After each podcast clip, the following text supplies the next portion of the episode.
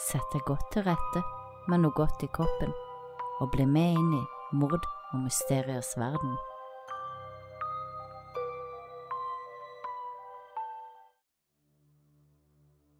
Historien om Jeannie er en historie om hvordan et i utgangspunktet friskt barn kan ende opp hjerneskada og uten evne til å ta vare på seg sjøl når man blir fratatt nesten all stimulans, omsorg og kjærlighet fra de som skal ta vare på en. Jeannie ble født i California i 1957. Hun var foreldrenes fjerde barn, men det andre som overlevde. To av de døde som babyer. Hun vokste opp sammen med sine foreldre og storebroren. Men barndommen skulle bli sterkt preget av farens mentale helse og grufulle handlinger. Jeannies far arbeidet som flymekaniker under andre verdenskrig. Jeannies mor var 20 år yngre enn faren, og som lite barn hadde moren fått en alvorlig hodeskade i ei ulykke. De ga henne nerveproblemer og store synsproblemer, og hun ble definert som blind. Jeannies far hadde vokst opp i flere forskjellige barnehjem. Faren hans døde etter å ha blitt truffet av lynet, og mora drev et bordell og traff sjelden sin sønn. Hun hadde også gitt sin sønn et feminint navn da han ble født, som resulterte i at han ble mye mobba i barndommen. Alt dette gjorde at Jeannies far utvikla et dyp hat til sin mor, og det har i senere forskning blitt ansett som årsaken til at han utvikla sterke sinneproblemer, spesielt retta mot kvinner. Så da Jeannies far ble voksen, så skiftet han til et mer maskulint navn, og plutselig tok mora kontakt og ønska å komme inn i livet hans. Og de tilbrakte etter hvert så mye tid sammen at han, som sjelden hadde sett sin mor i oppveksten, ble nå helt fiksert av hennes nærvær. Og selv om de krangla ganske mye, så satte han alltid mora si først. Og da Jeanies far traff det som skulle bli kona hans, så tok det ikke lang tid før de gifta seg. Og selv om hans egen mor kom først, så virka det som om Jeanies foreldre hadde et godt ekteskap. I hvert fall så det sånn ut fra utsida. Men bak husets fire vegger var virkeligheten en helt annen. For kort tid etter at de gifta seg, begynte han å nekte sin kone å forlate huset, og oftere og oftere så banka han opp, og det ble verre og verre for hver gang. Kona, som sleit med dårlig syn og nerveskader etter ulykken fra barndommen, gjorde at hun følte seg avhengig av sin mann, og hun visste hun ville slite med å klare seg på egen hånd, og ble derfor værende i ekteskapet. Jeannies far hadde lenge gitt uttrykk for at han verken likte eller ønska seg barn, men fem år inn i ekteskapet ble kona gravid. Gjennom hele svangerskapet fikk hun juling, og da hun nærma seg fødsel, ble hun kvelt av sin mann til hun nesten døde. På tross av dette så fødte hun likevel ei velskapt datter, men faren han kunne ikke fordra å høre på sin datter skrike, så han plasserte den lille jenta i garasjen. Dette resulterte i at hun fikk en lungesykdom, og i en alder av ti uker så døde deres førstefødte datter. Bare ett år seinere så fikk de sitt andre barn, denne gangen fikk de en sønn, men den lille gutten ble født med en alvorlig sykdom, og han døde bare to dager gammel. Tre år etter dette ble nok et barn født, en sunn og frisk liten gutt. Men som baby ble moren tvunget av sin mann til å holde den lille gutten stille til enhver tid. Dette gjorde at gutten utvikla betydelige fysiske og mentale hemninger, og han hang langt etter i forhold til alderen sin. Da gutten var rundt fire år, ble farmora bekymra for hvordan han utvikla seg, så hun overtok omsorgen for han og gutten utvikla seg merkbart bedre mens han var i farmorens omsorg. Men etter å ha hatt gutten i flere måneder, så leverte hun han tilbake til foreldrene. Og da gutten var rundt fem år gammel, kom hans lillesøster Jeannie til verden, ei nydelig lita jente, født litt for tidlig. Hun trengte ei blodoverføring, men var ellers ei sunn og frisk lita jente. På Jeannies tremånederkontroll hos helsesøster ble det oppdaga at Jeannie hadde en dislokasjon i hofta si, men utover det var hun frisk og normalvektig. Men på grunn av dislokasjonen i hofta, så måtte Jeannie gå med ei splint fra hun var fire og en halv til elleve måneder gammel. og på grunn av hofteskader var Jeannie seint ute med å gå. Og dette gjorde at faren hennes fikk for seg at Jeannie var mentalt tilbakestående, og ut fra sine mistanker om dattera, så begynte han å bevisst å la være å prate med eller gi oppmerksomhet til Jeannie. I tillegg så oppfordrer han både sin sønn og kone om å gjøre det samme. Da Jeannie var elleve måneder gammel, var hun fremdeles i god form, og hun viste ingen tegn til mentale skader, men hun viste litt tegn til vektnedgang. Og da Jeannie var 14 måneder gammel, fikk hun plutselig en kraftig feber, og foreldrene tok henne med til en lege som ikke hadde sett Jeannie tidligere. Legen hadde sagt, etter forespørsel fra Jeannies far, at selv om sykdommen gjorde det vanskelig å sette en diagnose, så var det en mulighet for at Jeannie var mentalt tilbakestående. Faren derimot tok dette som en bekreftelse på at dattera var kraftig hjerneskada, sånn som han sjøl mente. Dette på tross av at ingen av legene før noen gang hadde nevnt at hun var hjerneskada. I stedet var det bemerka at Jeannie var helt normal. Da Jeannie var 20 måneder gammel, så døde farmora hennes i en bilulykke da hun var ute og gikk tur med Jeanies storebror. En berusa mann hadde kjørt bilen opp på fortauskanten og truffet farmoren. Jeanies far var fra seg av sorg over moras død, og siden sønnen hadde vært på tur med henne da ulykken inntraff, holdt han sin syv år gamle sønn ansvarlig. Og etter dette eskalerte farens sinne, og da mannen som hadde kjørt på og drept mora hans i tillegg fikk en mild dom, så klikka det helt for faren, og sinnet hans nådde nye høyder. Forskere har i ettertid konkludert med at denne hendelsen fikk Jeanies far til å føle at samfunnet hadde feilet han, og at han nå måtte beskytte familien sin fra verden utenfor. Og siden han trodde Jeanie var alvorlig hjerneskada, så følte han at hun måtte beskyttes ekstra godt, og tok derfor et valg om å skjule at hun eksisterte så godt det lot seg gjøre. Jeanies far sa opp jobben sin og flytta familien inn i huset som han hadde arva etter mora. Det var et lite hus med to soverom. Han forlangte at ingen rørte moras bil, og ingen fikk lov til å bruke eller røre det som hadde vært moras soverom. Og familien ble nå mer isolert enn noen gang tidligere. I det andre soverommet plasserte faren Jeannie, mens resten av familien måtte sove i stua.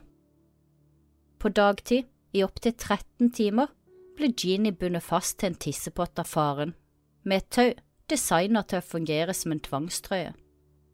Jeannie var kun ikledd en bleie og klarte kun å bevege fingertupper og tær.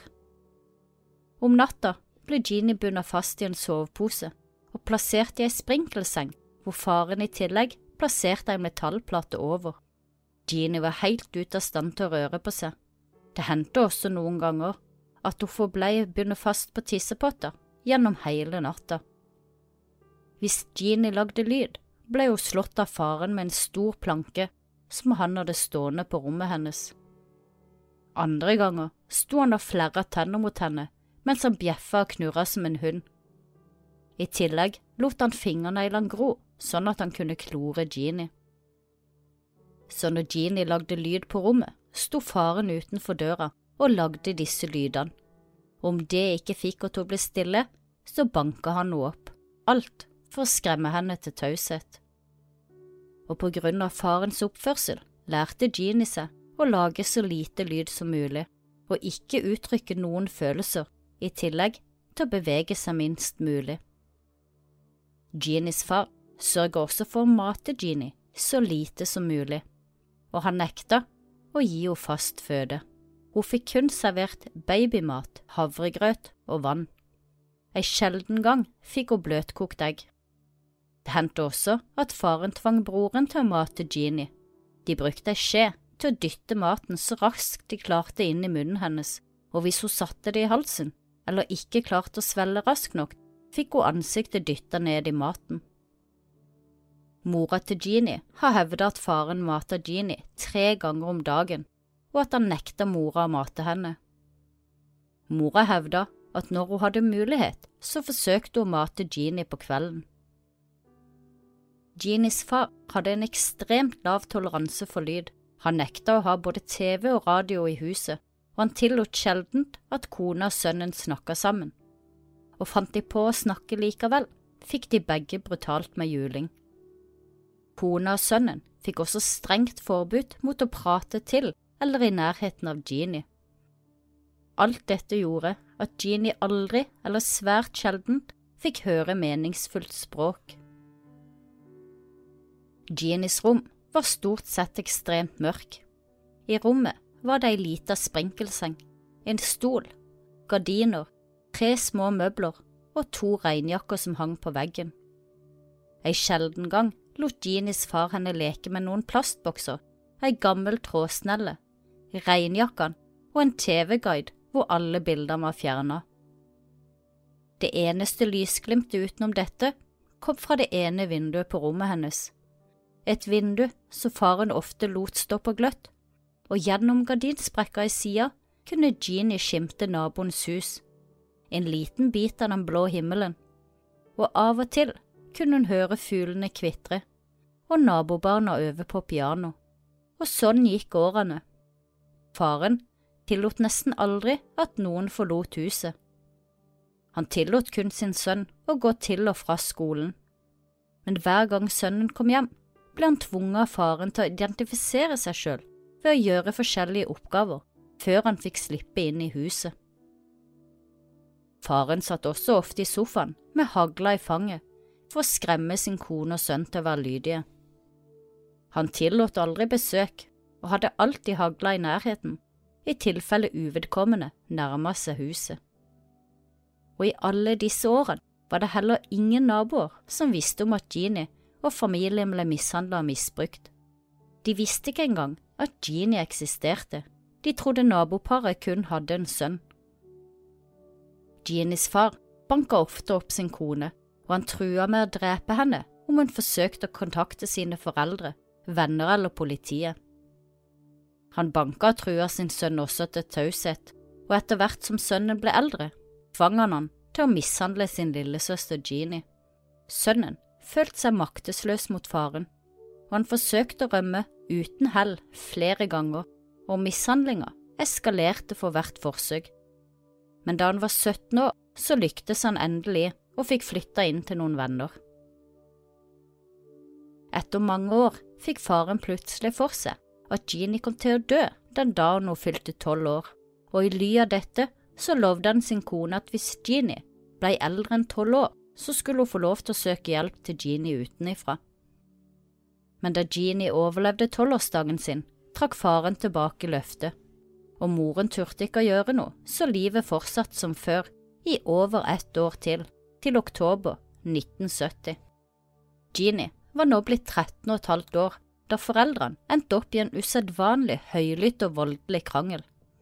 Mora trua med å forlate huset om hun ikke fikk lov til å ringe sine foreldre, og utrolig nok ga mannen etter, og endelig kunne mora få ringt foreldrene sine. Og seinere samme dag forlot Jeanies far huset for å gjøre noen ærend, og imens tok mora Jeannie med seg og rømte hjem til foreldrene sine. Det skulle gå enda tre uker etter at mora til Jeannie rømte, før Jeannie skulle få den hjelpa og omsorgen hun så sårt trengte. Det var blitt 4. november 1970 da mora tok med seg Jeannie ned på sosialkontoret for å søke om støtte grunnet sitt svært dårlige syn. Og det var nettopp hos sitt dårlige syn som førte hun inn på feil kontor, for i stedet for sosialkontoret gikk hun inn på nabokontoret, som var barnevernet. Den barnevernansatte som tok det imot i resepsjonen, fikk umiddelbart mistanke om at noe var galt da hun så Jeannie. Og da mora fortalte hvor gammel Jeannie var, ble hun fullstendig sjokkert. Den ansatte hadde tenkt at hun var seks–syv år gammel og muligens autistisk, men da mora flere ganger hadde bekreftet at Jeannie var 13 og et halvt år, kontakta de umiddelbart politiet. Og kort tid etter ble Jeannies foreldre arrestert, og Jeannie ble plassert under statens varetekt og hasteinnlagt på barnesykehus i Los Angeles. På sykehuset satte leger, psykiatere og terapeuter raskt i gang med å undersøke og teste Jeannie. Den ene psykiateren, James Kent, sa senere at Jeannie var det verste tilfellet av barnemishandling som han hadde sett, og han hadde lite forhåpninger om Jeanies framtid og at hun noen gang kunne bli bedre. Da Jeannie kom på sykehuset, var hun veldig bleik og underernært. Med sine 13,5 år var hun kun 1,37 høy og veide bare 27 kilo. Rundt hoftene hadde hun ekstremt tykk hud og mørke blåmerker. Dette var etter selene som faren pleide å stroppe henne fast i, og det tok flere måneder før sårene lega seg helt. Den 17. november, 13 dager etter at Jeannie ble tatt av staten og flytta på sykehus, så nådde historien om Jeannie nyhetene. Saken fikk masse oppmerksomhet både lokalt og internasjonalt, og da et bilde av Jeannie ble publisert, vokste folks interesse i saken enda mer. Men Jeanies far, han nekta å snakke med politiet og mediene mens han venta på at saken skulle opp for retten. I mellomtida samla det seg store folkemengder utenfor hjemmet hans, som håpte å få se ham eller få han til å snakke. Og 20. november, bare timer før faren skulle møte i retten, så tok han sitt eget liv. På åstedet etterlot han seg to brev, ett til sønnen og ett til politiet. I sønnens brev sto det blant annet Vær en god gutt, jeg elsker deg og i politiets brev sto det blant annet Verden vil aldri forstå. Etter at Jeanies far gikk bort, så flytta fokuset seg over på Jeanies mor. I retten fortalte hun at all julinga fra sin mann og øyesykdommen som gjorde hun nesten blind, gjorde det umulig for henne å beskytte sine barn. Utrolig nok ble alle tiltalene mot mora droppa, og i stedet for fengsel fikk moren tildelt behandling fra en terapeut på samme barnesykehus som der Jeannie var innlagt.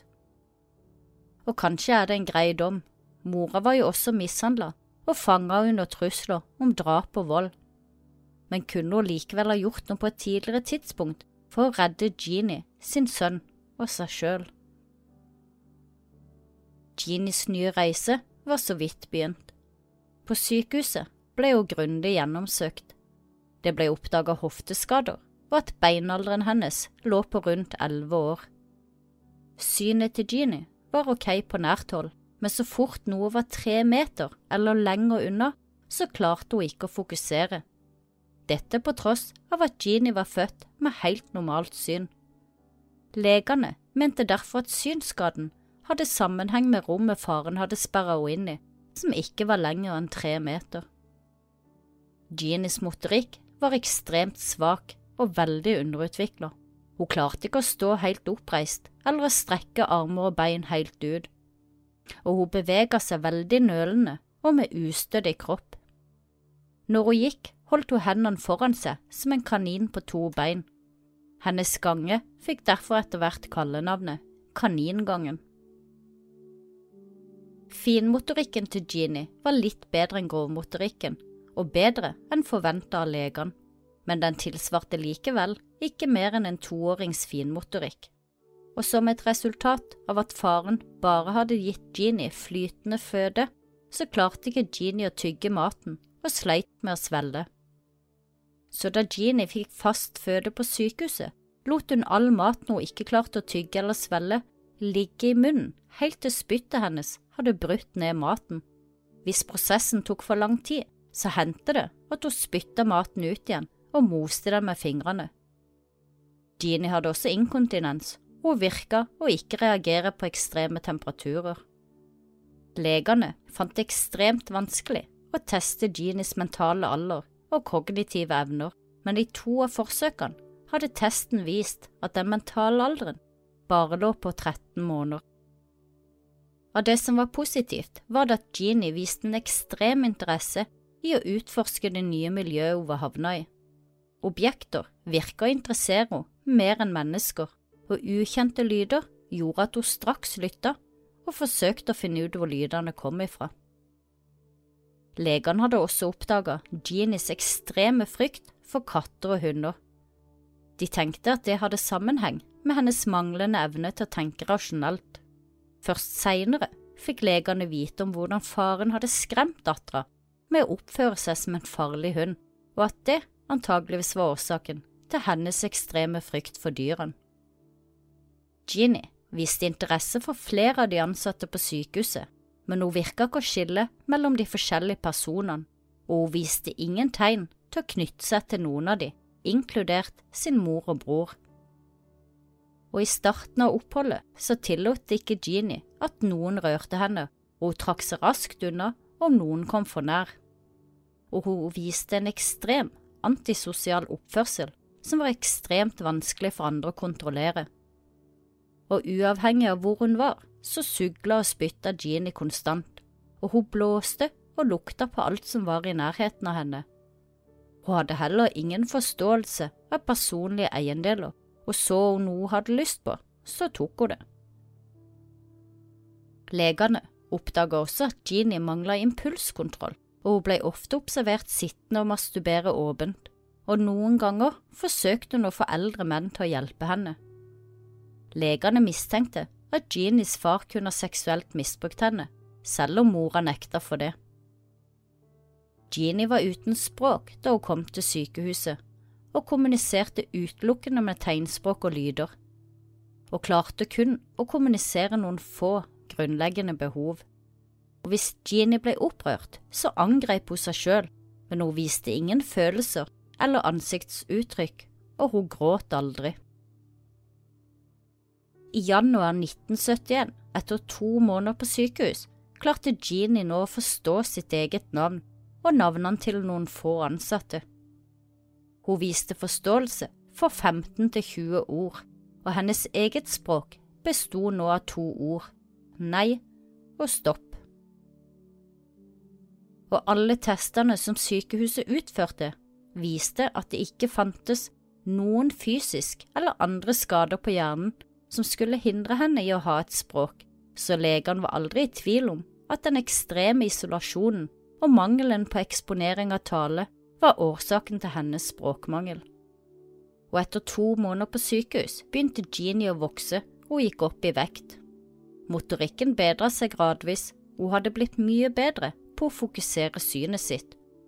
Hun utvikla også en sterk trang til å samle på ting som hun av ukjente årsaker begynte å like, og hun ble ekstremt opprørt om noen tok eller flytta på noe av det hun hadde samla, og ettersom tida gikk, begynte Jeannie å respondere mer og mer til andre mennesker, og virka mer oppmerksom når folk snakka til henne.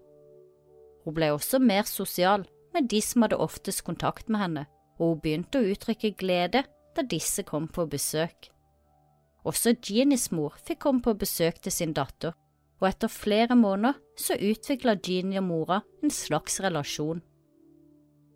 Og etter seks måneder på sykehus viste de nye testene og undersøkelsene en merkbar utvikling hos Jeannie.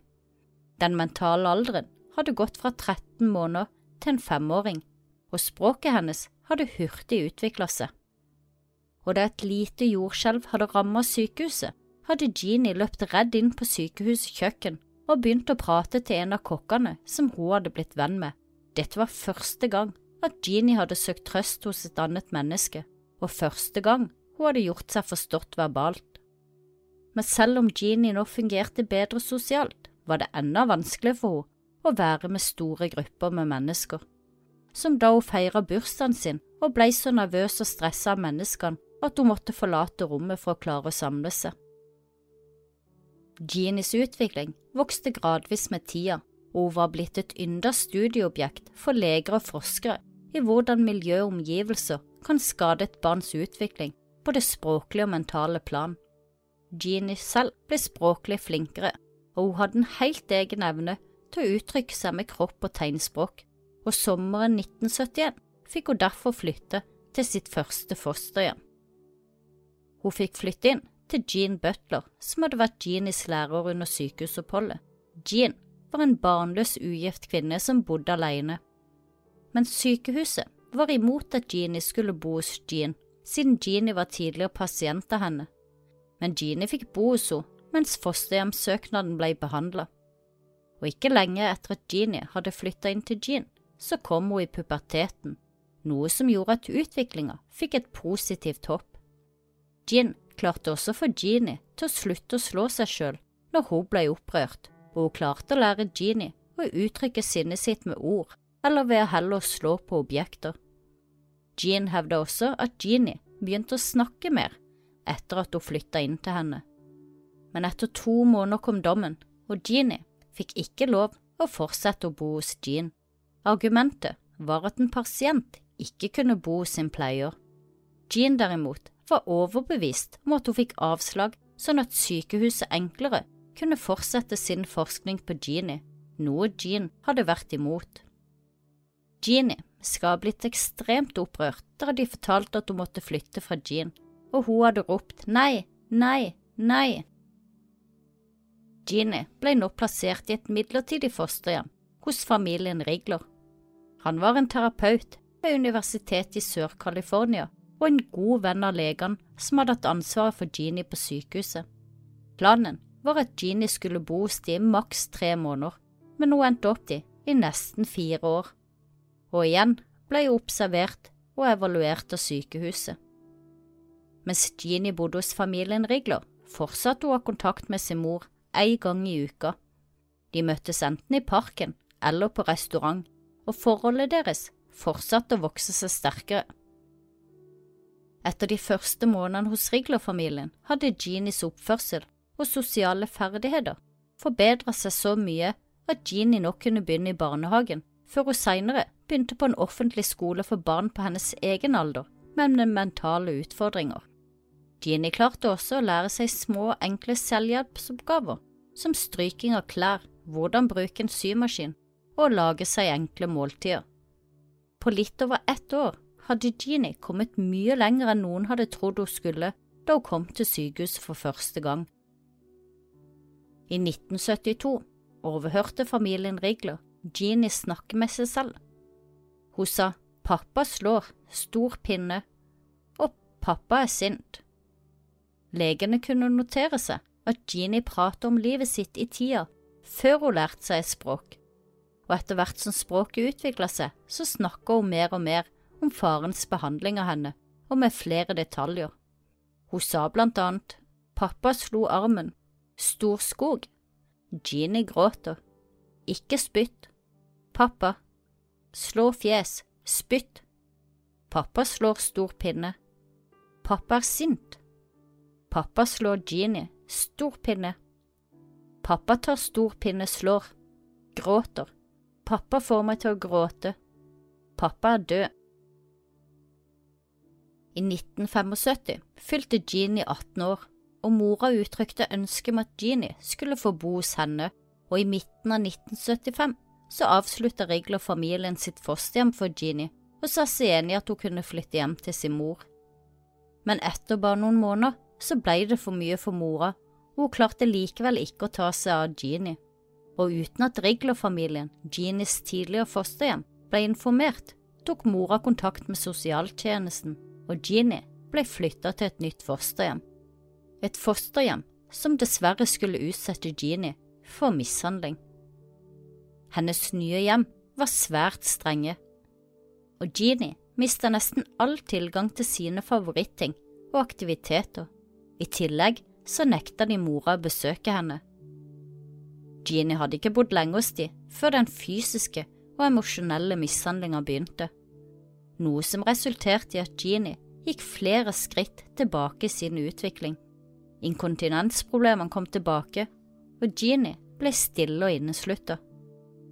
En gang etter at Jeannie hadde vært syk og spydd, så banka det nye fosterhjemmet henne opp, samtidig som de sa at hvis hun spydde en gang til, ville hun aldri få se sin mor igjen. Denne hendelsen gjorde Jeannie livredd for å åpne munnen, av frykt for at hun skulle spy og få enda mer straff. Dette gjorde igjen at hun ble livredd for å både spise og prate. Og etter dette ble hun svært tilbaketrukket og kommuniserte utelukkende med kropp og tegnspråk. Først i april 1977 ble Jeannie flytta ut av fosterhjemmet etter at legen som fulgte henne opp, reagerte på at Jeannie hadde gått tilbake i utviklinga. Hun ble flytta tilbake til barnesykehuset, hvor hun ble i to uker, før hun kom til nok et fosterhjem men bare etter seks måneder i sitt nye hjem opphørte plutselig avtalen med fosterhjemmet, og Jeannie ble nok en gang flytta. Først til et midlertidig hjem, før hun kom til sitt nye fosterhjem. Susanne Curtis, psykiateren som hadde fulgt Jeannie de siste årene, hadde uttrykt bekymring for at Jeannie ble flyttet rundt så mye og så ofte, og sa at Jeannie ikke forsto årsaken til hvorfor hun ble flyttet, og at hun trodde det var hennes feil, at hun ikke var flink og et godt nok menneske. Susanne sa at dette traumatiserte Jeannie enda mer og satte henne tilbake i utviklinga. Men i 1978 satte mora til Jeannie foten ned og forbøy sykehuset å gjøre flere tester og undersøkelser av datteren, og all oppfølging opphørte umiddelbart.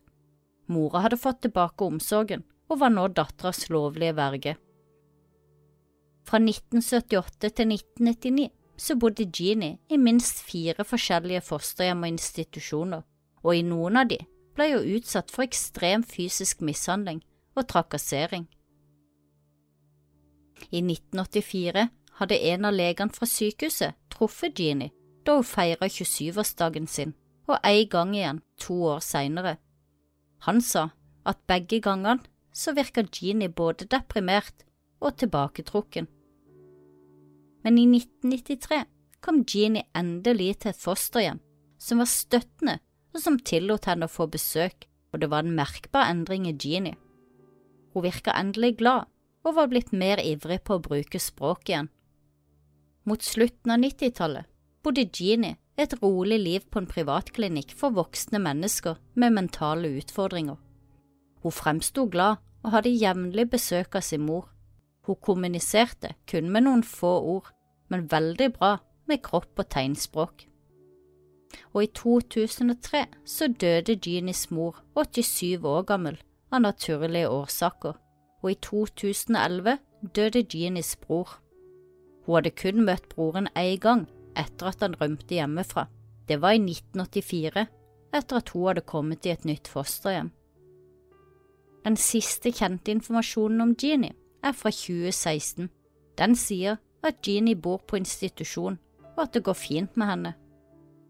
Jeannie er et av de best kjente studiene som er gjort på barn og utvikling av språk, og hvordan det påvirker barns hjerne å ikke få nok stimuli, både fysisk, psykisk emosjonelt og språklig.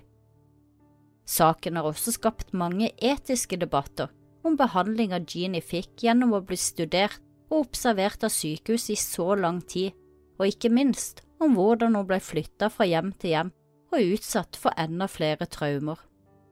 Jeannie er helt normal lita jente som endte opp hjerneskada og er ute av stand til å ta vare på seg sjøl, et offer for sin egen fars mentale helse.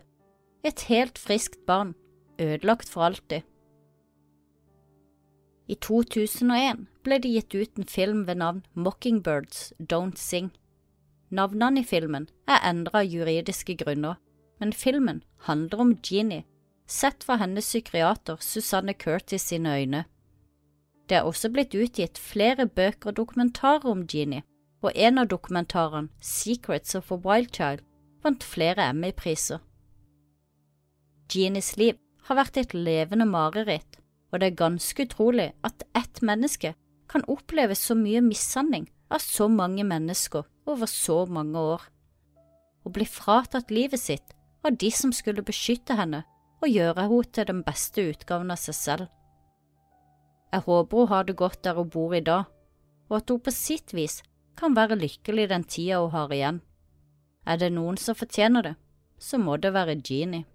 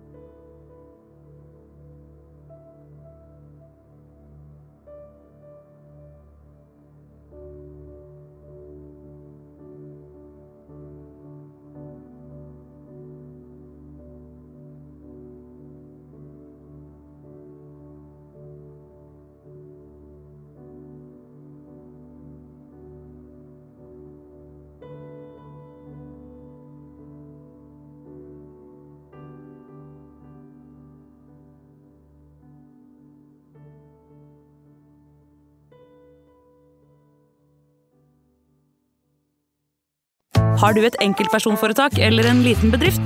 Da er du sikkert lei av å høre meg snakke om hvor enkelt det er med kvitteringer og bilag i fiken, så vi eh, gir oss her, vi. Fordi vi liker enkelt. Fiken superenkelt regnskap.